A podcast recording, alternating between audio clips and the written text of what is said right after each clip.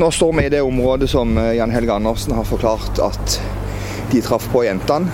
Og der eh, Viggo Kristiansen til Andersen sin overraskelse spør jentene om de vil være med og lete etter noen kattunger.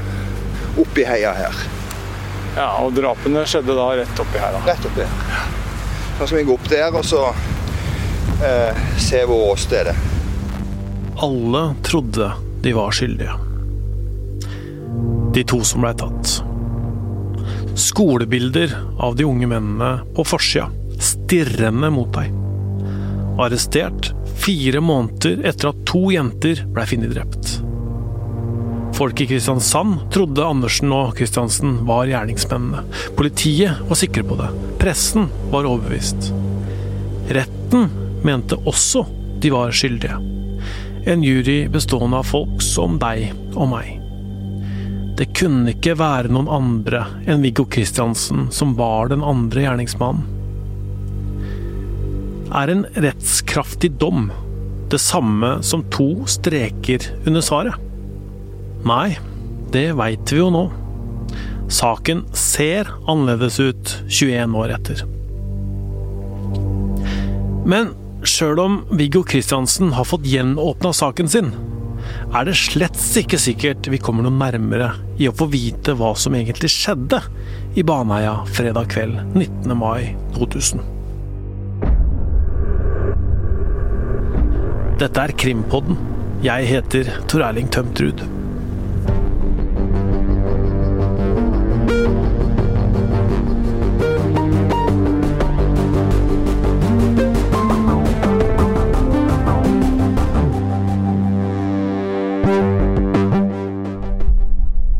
Nå står vi med stien opp til åstedet. Eh, og og den går rett til værs. Eh, noen titalls meter inn så er det ei, ei gryte i terrenget med, som er dekka med skog. Som, eh, som uh, voldtektene og drap skal ha skjedd. Og vi ser jo litt de utfordringene som letemannskapene sto overfor. Da, for det er, jo, eh, det er jo veldig mye skog, og det er eh, skrenter, bergknauser, det er eh, ja, ulendt terreng, og det er jo mye vegetasjon. Og så vil du se når vi går, Den stien som går rett ved åstedet, kan du ikke se åstedet fra. Nei. Ja, så det, er- det, du er veldig i skjul. Skal vi går opp og ser. Ja. Vi hører eh, krimekspert Øystein Milli og vår tidligere kollega i VG, Fridtjof Nygaard, som var i Baneheia samme uka som Viggo Kristiansen fikk beskjed om at saken hans var gjenåpna. Da var det snø, og ting så annerledes ut enn det gjorde for 21 år siden. Men etter å ha vært der, Øystein, hva slags inntrykk fikk du? Det var første gangen jeg var i Baneheia, har jo ikke jobba med den saken her før, så det var jo utrolig nyttig å komme ned og, og se eh, området med egne øyne. Jeg har jo selvfølgelig lest både rapporter, sett kart og bilder osv., men det å se det live, for å bruke uttrykket, det var eh, veldig lærerikt. Og, og for meg så var det overraskende at åstedet lå såpass nær eh, stier og en gruslagt vei også, for så vidt, som går gjennom eh, ja, som går så ikke, ikke så veldig langt unna, men, men det var jo da særlig da stier som var ganske tett på åstedet, som jo ligger eh, høyt opp, eh, men, men og sånn sett er lite synlig fra Det er, det er skjerma for innsyn, men, men mens lyder og sånn kunne jo tenkes at kanskje kunne høres, og det var overraskende at det var så nært.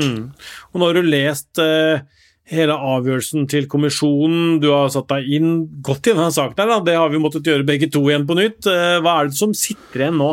Det er jo en dypt splitta kommisjon, hvor øh, øh, flertallet mener at det foreligger en såkalt rimelig mulighet for at utfallet kunne blitt noe annet. Og med rimelig mulighet så, så mener man at det er man har diskutert faktisk det, da, og det er ikke, det, kravet er ikke at det er eh, sannsynlighetsovervekt, det ligger under det, og at man har brukt da uttrykket rimelig mulighet som er minstekravet, og det mener flertallet at det er. Eh, For Hvis man hadde visst det man vet i dag, og slik bevisene står, eh, sånn flertallet ser det, Og så er det jo mindretallet som mener er uenig i det, med Siv Hallgren som er leder av kommisjonen, er jo på, den, på den siden. Så det er jo veldig spesielt at man har en splitta kommisjon, 3-2-avgjørelse, en omfattende rapport på 369 sider.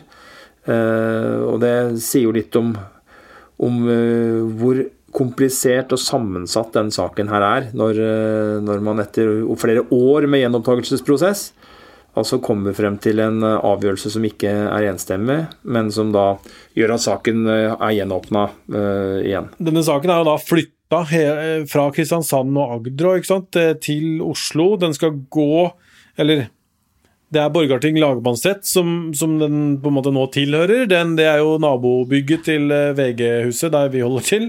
Eh, mm.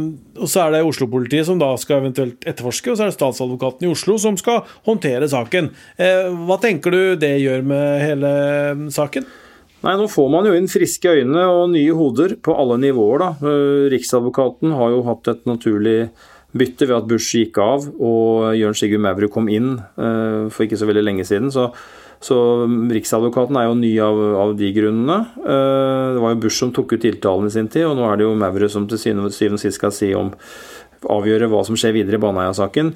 Og så har man jo da hatt en situasjon over år hvor ja, jeg tenker jo statsadvokaten i Agder. Ja, det er bytta ut folk der siden den saken gikk for retten, men nå har det vært ganske krass ordbruk og intens eh, argumentasjon mellom eh, statsadvokaten i Agder og Arvid Sjødin. Og alle vet jo hva statsadvokaten i Agder mener. De mener jo at Viggo Kristiansen er eh, korrekt dømt, og at det ikke er noe grunnlag for gjenåpning.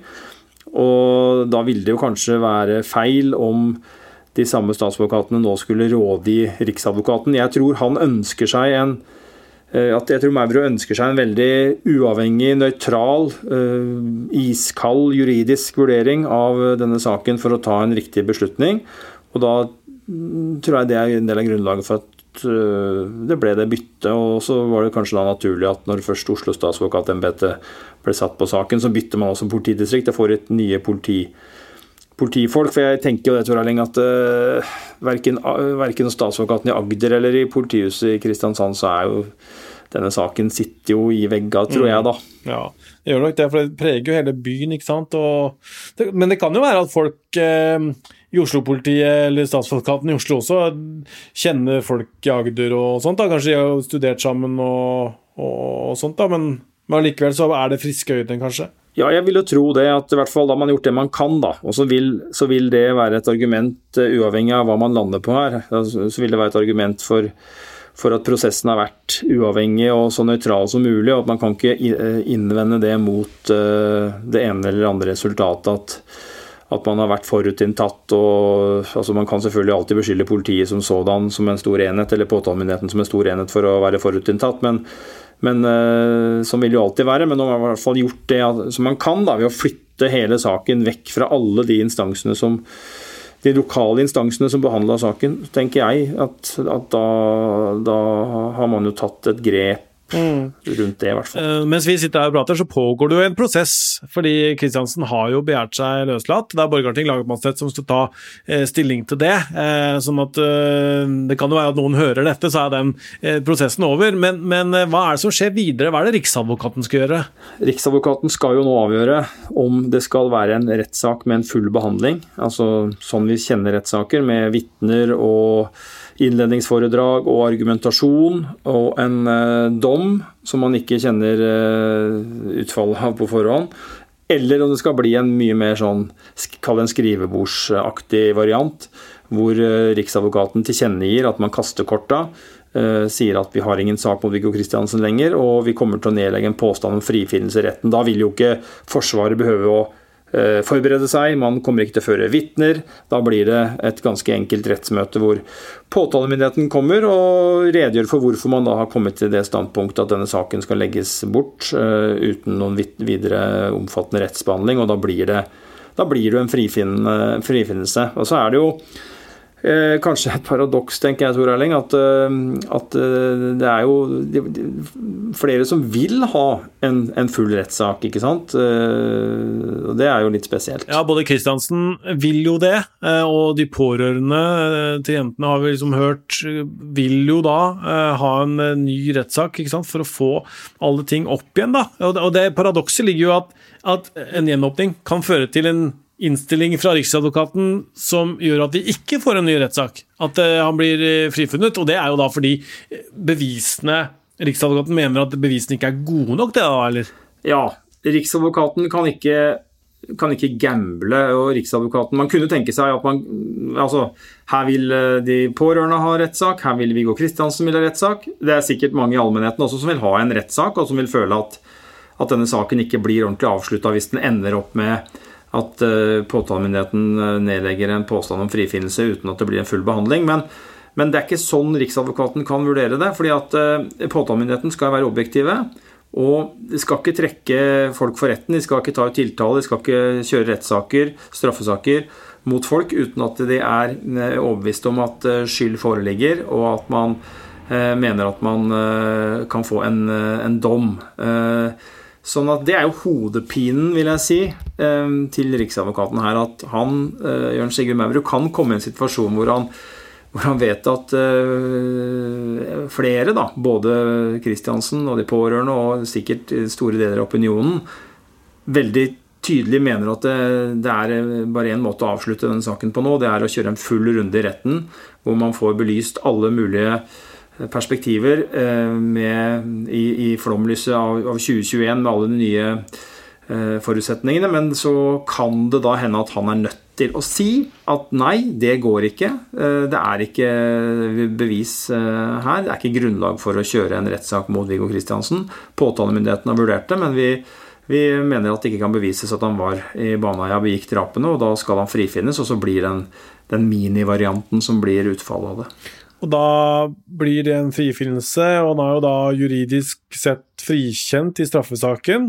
Men kan man da tenke seg at, at den erstatningsdommen som han har mot seg, fortsatt da blir stående, da? akkurat som i, i fetteren til Birgitte Tengs uh, tilfelle? Nå har ikke jeg gått uh, veldig dypt inn i det foreløpig, for nå er det jo mange ting som skjer her. og man må ta ett steg av gangen. og som vi var inne på, så er det aller første som skjer nå, er jo at det blir beslutta om det blir en løslatelse eller ikke, og så kommer jo da kanskje Ja, jeg vil skal jeg tippe noe, så tenker jeg kanskje at vi før sommeren får vite hva Riksadvokaten øh, kanskje, kanskje, kan vite før sommeren, eller i hvert fall øh, tidlig på høsten. Og så må man jo da se om det blir en full prøving, eller om det blir en nedleggelse, en, nedleggelse, en frifinnelsespåstand. og og Så må man jo da se etter det igjen, da, gitt utfallet, eh, hvordan denne sivile erstatningsbiten står, og hvordan man skal behandle den. og Det er viktig å tenke og være klar over, og det, det vet vi jo begge to godt, at for den som tror at eh, vi skal få alle svar nå, eh, så er ikke det noe sannsynlig scenario. Kriminalsaker, rettssaker i det virkelige liv er ikke som en så mange dramaserier hvor man får svar på alle spørsmål. Eh, det er jo mange saker opp gjennom historien hvor det blir dommer eller det blir frifinnelser, og hvor det er mange ubesvarte spørsmål som fortsatt står der.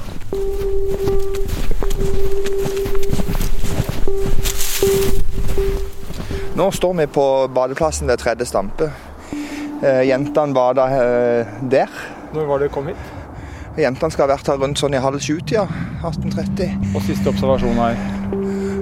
Eh, det, ja, det er rundt der. 1830, så vidt jeg vet. Eh, så skal Jan Helge og Viggo ha stått oppe på Kollen der og sett ned på dem. Ifølge Jan Helge. Hæ? Ja, ifølge Jan Helge. Ja, og ifølge dommene som nå eh... Så går de altså her når de er ferdig med å bade, for da skal jentene hjem til Grim, en bydel som ligger der nede. Hvit? Ned sånn, ja. Venstre? Ja. ja. For jeg tror vel siste observasjon kan ha vært Oppimot sju? Opp imot sju, ja. ja. Kan det stemme? Ja, det kan stemme. Ja.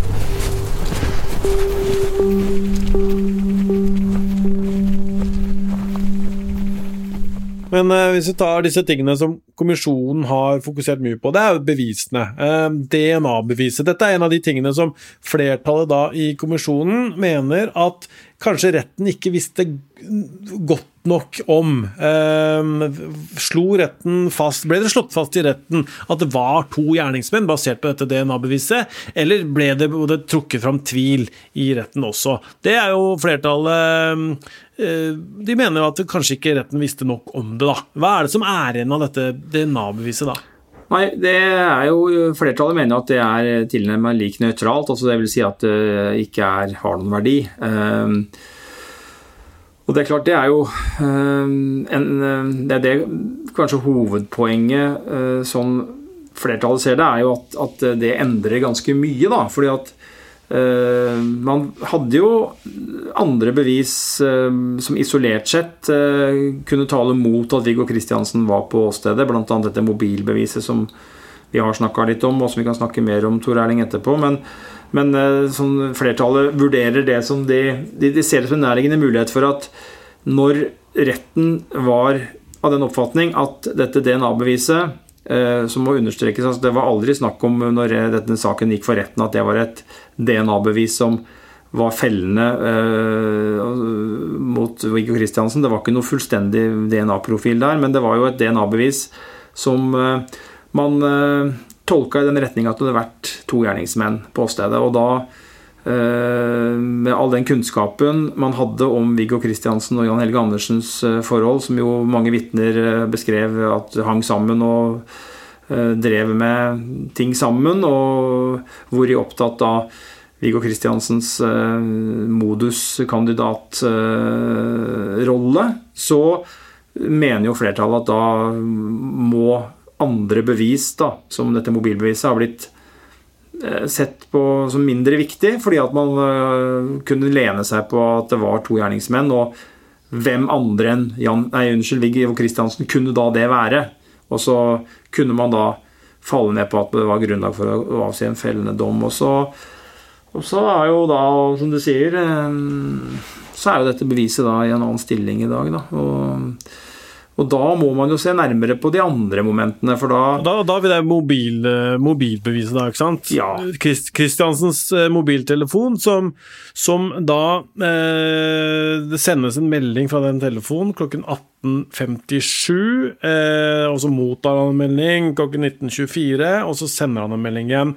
Eller det blir sendt en melding da fra den telefonen eh, klokken 19.37. Eh, og, og det som er spesielt, er at disse meldingene går da gjennom basestasjonen EG-A, eh, som ikke eh, har dekning på åstedet. Eller Iallfall så, så mener man at den ikke har eh, dekning på åstedet. Så Derfor så kan jo ikke han ha vært på åstedet når han har sendt disse meldingene, er jo på en måte greia med det. da. Ja, det er helt riktig. Det, det er, eh, man har gjort flere forsøk på å få dekning over denne EG-A-senderen på åstedet, eller rett ved åstedet, og det klarte man ikke. Og så er det vel den siste rapporten fra Teleplan, så ligger det vel en sånn liten åpning for at man ikke kan utelukke helt, fordi at man vet ikke om det kan ha inntruffet noen helt spesielle ting som gjør at det likevel kan ha skjedd. Men ut fra det som har vært av det som foreligger av rapporter, så er jo det veldig lite sannsynlig. Eh, og da skal altså Påtalemyndigheten skal de få dømt Viggo Kristiansen for, for disse drapene nå, så må man jo bevise at han var på åstedet. Eh, så enkelt er det, eh, og så krevende er det. Og da har man altså en situasjon hvor man har mista det som var et viktig bevis i 2002, nemlig dette DNA-beviset. Det, per nå så får vi jo se om det blir gjort noen nye sakkyndige undersøkelser, eller om man kan gjøre et eller annet med det som, som igjen setter det i en annen, eh, annen, stilling, men det er det lite som tyder på per nå. Det er eh, rapporter fra sakkyndige som sier at det er sånn kommisjonens flertall ser det, at det er eh, nøytralt. Og da må man jo se på ok, hva er det som da peker i retning av at Viggo Kristiansen har vært på åstedet. Og da har man jo Jan Helge Andersens forklaring, selvfølgelig. og den eh, er jo da problematisk på en del områder. Blant annet så har jo han løyet flere ganger og holdt tilbake informasjon frem til han kom med en tilståelse. Og så er det jo ting i den tilståelsen som også flere trekker i tvil. Ja, blant annet måten den kom fram på, da. At uh, ja. ble lagt nesten ord i munnen på den. ikke sant? Også. Ja, det er jo, ikke sant? dette er jo avhørsteknikk, og det har jo vært et tema opp gjennom uh, mange år etterpå. At man på den tidsperioden der hadde en del at det var noen avhør, en del avhør som, som, ikke gikk etter det man i dag mener er en god standard for hvordan avhør skal foregå. Uh, og så har du dette mobilbeviset, ikke sant, som da må Man må sannsynliggjøre eller bevise at til tross for dette mobilbeviset, som du sier, da, som plasserer mobilen til Viggo Kristiansen utafor åstedet hvis man skal ta disse testene som er gjort, legge de til grunn, så er jo ikke mobilen på åstedet. Og det, det, kunne man tenke seg at det, det behøver han ikke vært. Og Viggo Kristiansen kan fortsatt ha vært der, men problem nummer ja, hva blir det, to eller tre eller fire da, ja. blir, jo, blir, jo, da tidslinja der. Fordi at den mobilen, da, hvis vi skal tro Jan Helge Andersens uh, siste forklaring, så var jo den i, sannsynligvis i en sykkelveske uh, på sykkelen til Viggo Kristiansen, og den var fastlåst til en bom som ligger i inngangen til Baneheia. Og fra denne bommen og bort til åstedet så er det ganske langt å gå. Eh, jeg tror jeg brukte ti minutter fra bommen eh, og bort til badeplassen. Og så ligger åstedet enda lenger inn. Eh, nå skal jeg ned igjen og prøve å gjøre noen flere tidsangivelser der. Men, men da sier det seg sjøl at disse 40 minuttene som du snakka om, Tor Erling, de, de, reduseres jo veldig fort. Og de første reduksjon er jo at det tar minst ti minutter da, å gå til, åsted, nei, unnskyld, til badeplassen og enda lenger tid inn til åstedet. og Da forsvinner jo over halvparten av, den, av det tidsvinduet. Og Hvis man da ser på Jan Helge Andersens forklaring om hva som skal ha skjedd uh, på åstedet, så blir det Så går ikke det opp, uh, sånn som jeg ser det. Jeg syns det blir det blir for lite tid. Og så er det annet, en annen utfordring, og det er vel at Jan Helge Andersen har vel gitt en angivelse av at de gikk inn i Baneheia før det tidspunktet at denne meldingen blir sendt. ikke sant? For hvis man skal tenke seg at, at denne mobil, dette mobilbeviset, at uh, Viggo Kristiansen da sender en melding idet han parkerer sykkelen, og så går han inn i Baneheia, og så kommer han ut igjen, og så sender han en melding først han gjør, så, så har det de utfordringene vi pekte på akkurat nå. Men i tillegg så er det da sånn at det passer ikke med når man gikk inn eh, Andersen hevder at de gikk inn i Baneheia. Så det er mange ting som påtalemyndigheten er nødt til å gå opp her, altså. Eh, for å kunne ha en sak eh, mot Kristiansen. Og de, dette, er, dette er hodepinen, sånn som jeg ser det, og de kan ikke gamble med å dra denne saken inn i retten for full behandling.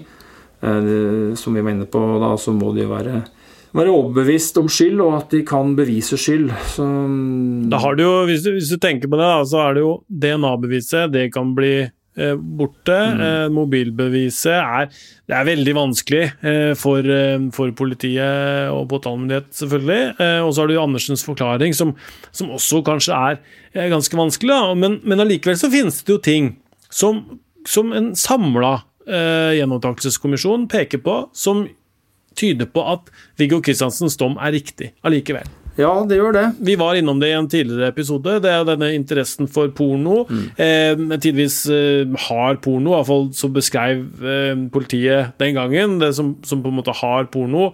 Eh, også Det viktigste er vel kanskje det at Kristiansen da hadde forgrepet seg på en, en mindreårig jente tidligere, og, og etter hvert erkjente det, da.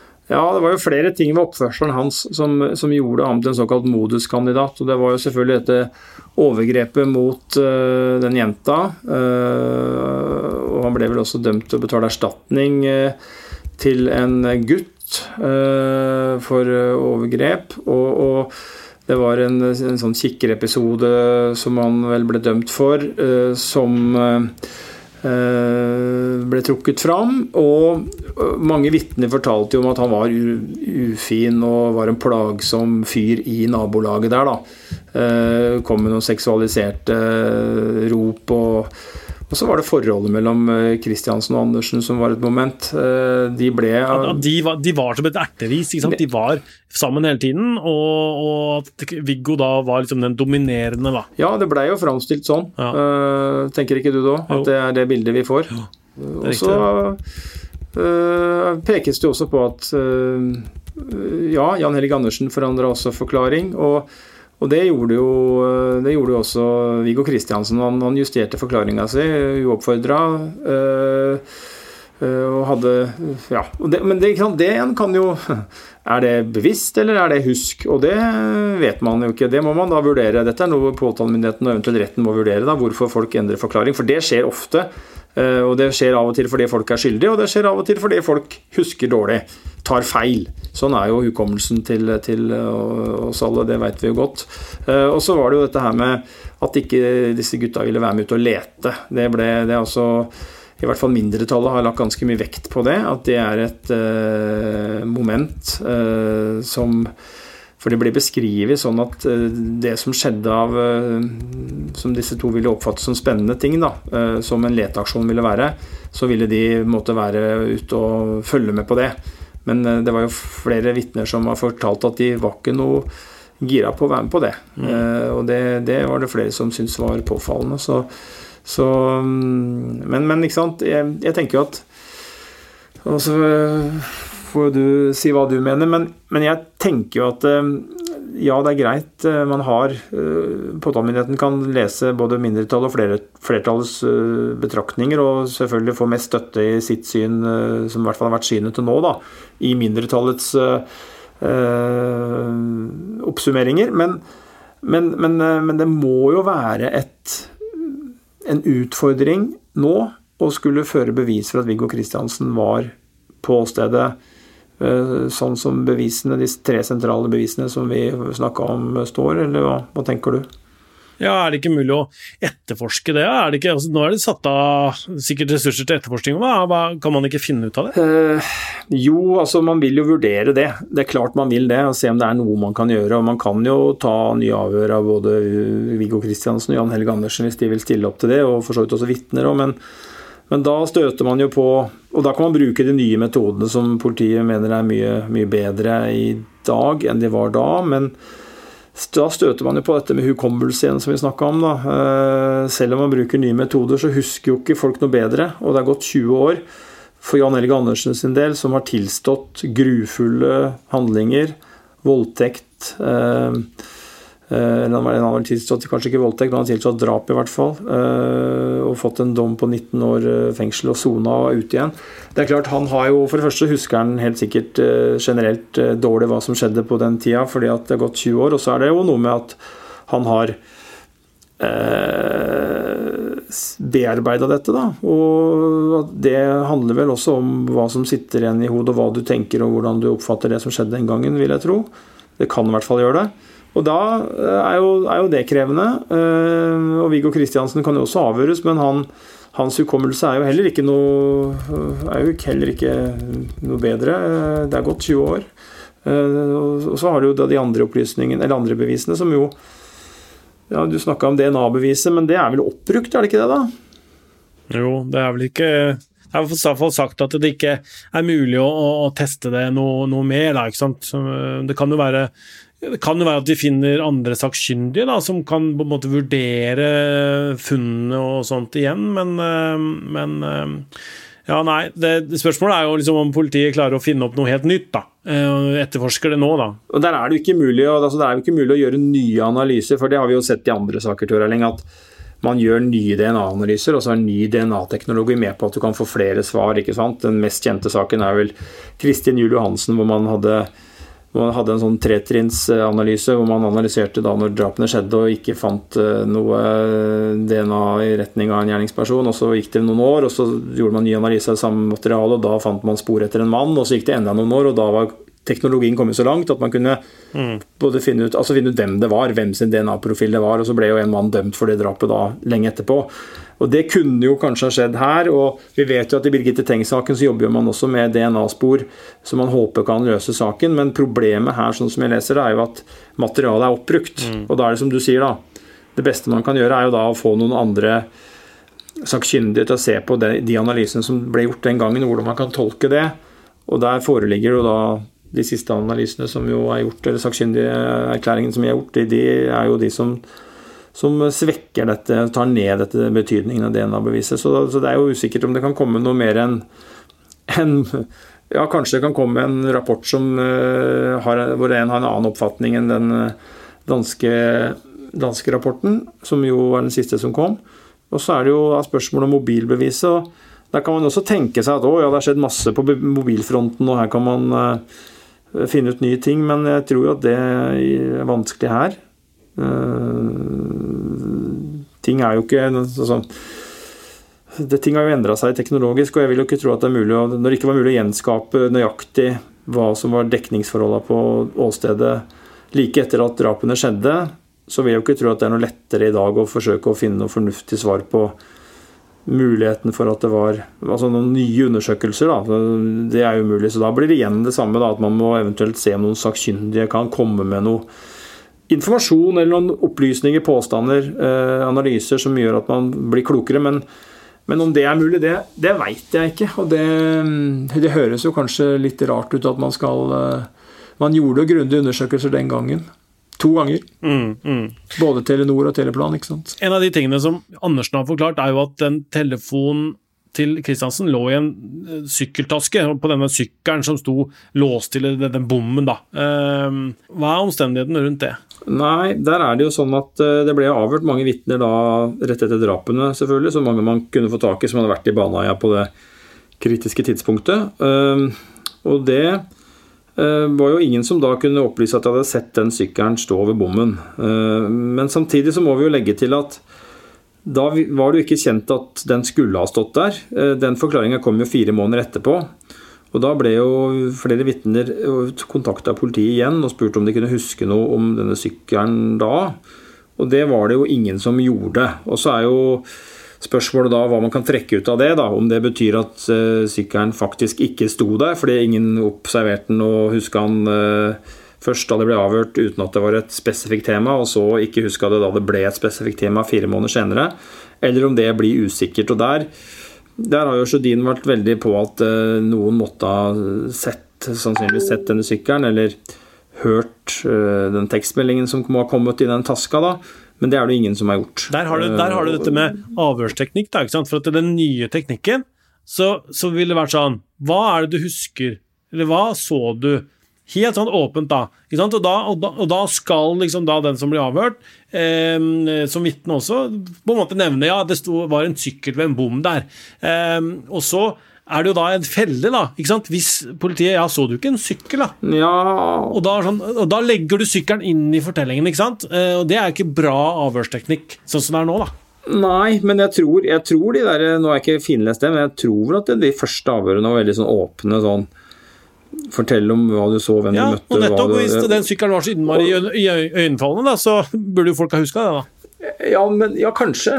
Uh, kanskje. Men så er jo spørsmålet at på det tidspunktet der så var jo ikke det området rundt bommen eh, sånn spesifikt interessant. da, fordi at da hadde jo det, det, Åstedet og drapene var jo skjedd mye lenger inn i Baneheia, og man visste jo ikke hvor uh, gjerningspersonen eller personene hadde kommet inn eller ut.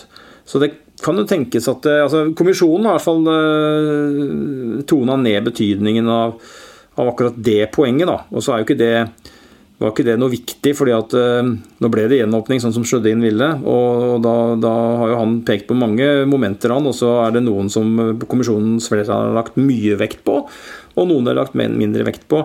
Uh, og den Sykkelen ble jo da et tema etter at Andersen forklarte seg om den i avhør. og Det skjedde jo da i september fire måneder senere. og Da ble jo da, som jeg sa, flere vitner kontakta spurt kan du huske noe rundt denne bommen. Kan det, det, altså jeg husker jo ikke, jeg kan godt hende at de ble spurt spesifikt om du så en sykkel eller hva de gjorde, men, men, poenget er i hvert fall at de husker, det er ingen som kan huske. da, det er, ingen, det er vel ingen som kan verken si at den sto der, men det er heller ingen som kan utelukke at den gjorde det. Fordi at uh, hukommelsen uh, er ferskvare, og, at man da Uh, ja, ikke klarte å erindre det når, når den ble et uh, tema, direkte tema senere.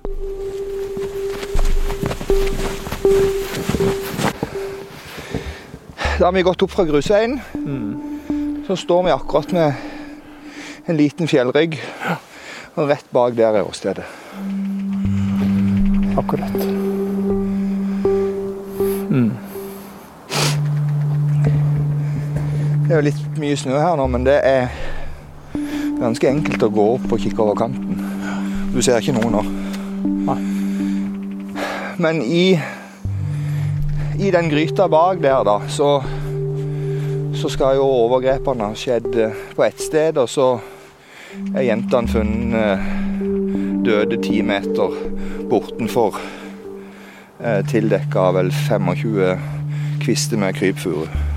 Ja, Åstedet ligger jo da veldig høyt i forhold til denne stien vi står på. ikke sant? Vi ser jo ja, det er sikkert fem, seks, sju, åtte høydemeter opp. Rett opp. Ja, Og så er det rett ned på andre sida. Så du har en slags eh, en, en gryte der, ja. Så når du går første stien bort dit, så kommer du til et vann. eh, Med den demninga på andre sida, som er ganske parallelt med den kollen gutta sto og så på de på badeplassen. Og den demninga ble jo, ble jo klærne funnet i plastposen. ja. Sånn så det ut i Baneheia for noen uker siden da du var der, og nå planlegger du å dra tilbake igjen, Øystein. Jeg skulle gjerne vært med, men jeg har en liten baby som gjør det litt vanskelig å, reise. Men eh, hva skal, du, hva skal, du, prøve å finne ut? Som sagt så var det veldig dårlig vær og vanskelig å eh, få en helt full oversikt da vi var der i, i februar. Vi kom jo ned kvelden før, eh, eller ettermiddagen før kommisjonen kom med sin avgjørelse. og eh, vi trenger litt mer tid og skal forsøke å få et enda bedre inntrykk av hva som nå er utfordringene for påtalemyndigheten når de skal uh, vurdere denne saken, og hvordan disse bevisene da nå står. Uh, det handler både om bevegelsene til, som Jan Helge Andersen sier at han har hatt, og som han inkluderer Viggo Kristiansen i. Det handler om hvilke forklaringer de to ga politiet, og det handler om da, dette mobilbeviset. og hvilken, Vi har vært så vidt inne på det nå, men vi skal se litt nærmere på disse tids, disse vind, dette vinduet da, og prøve å bli enda litt klokere.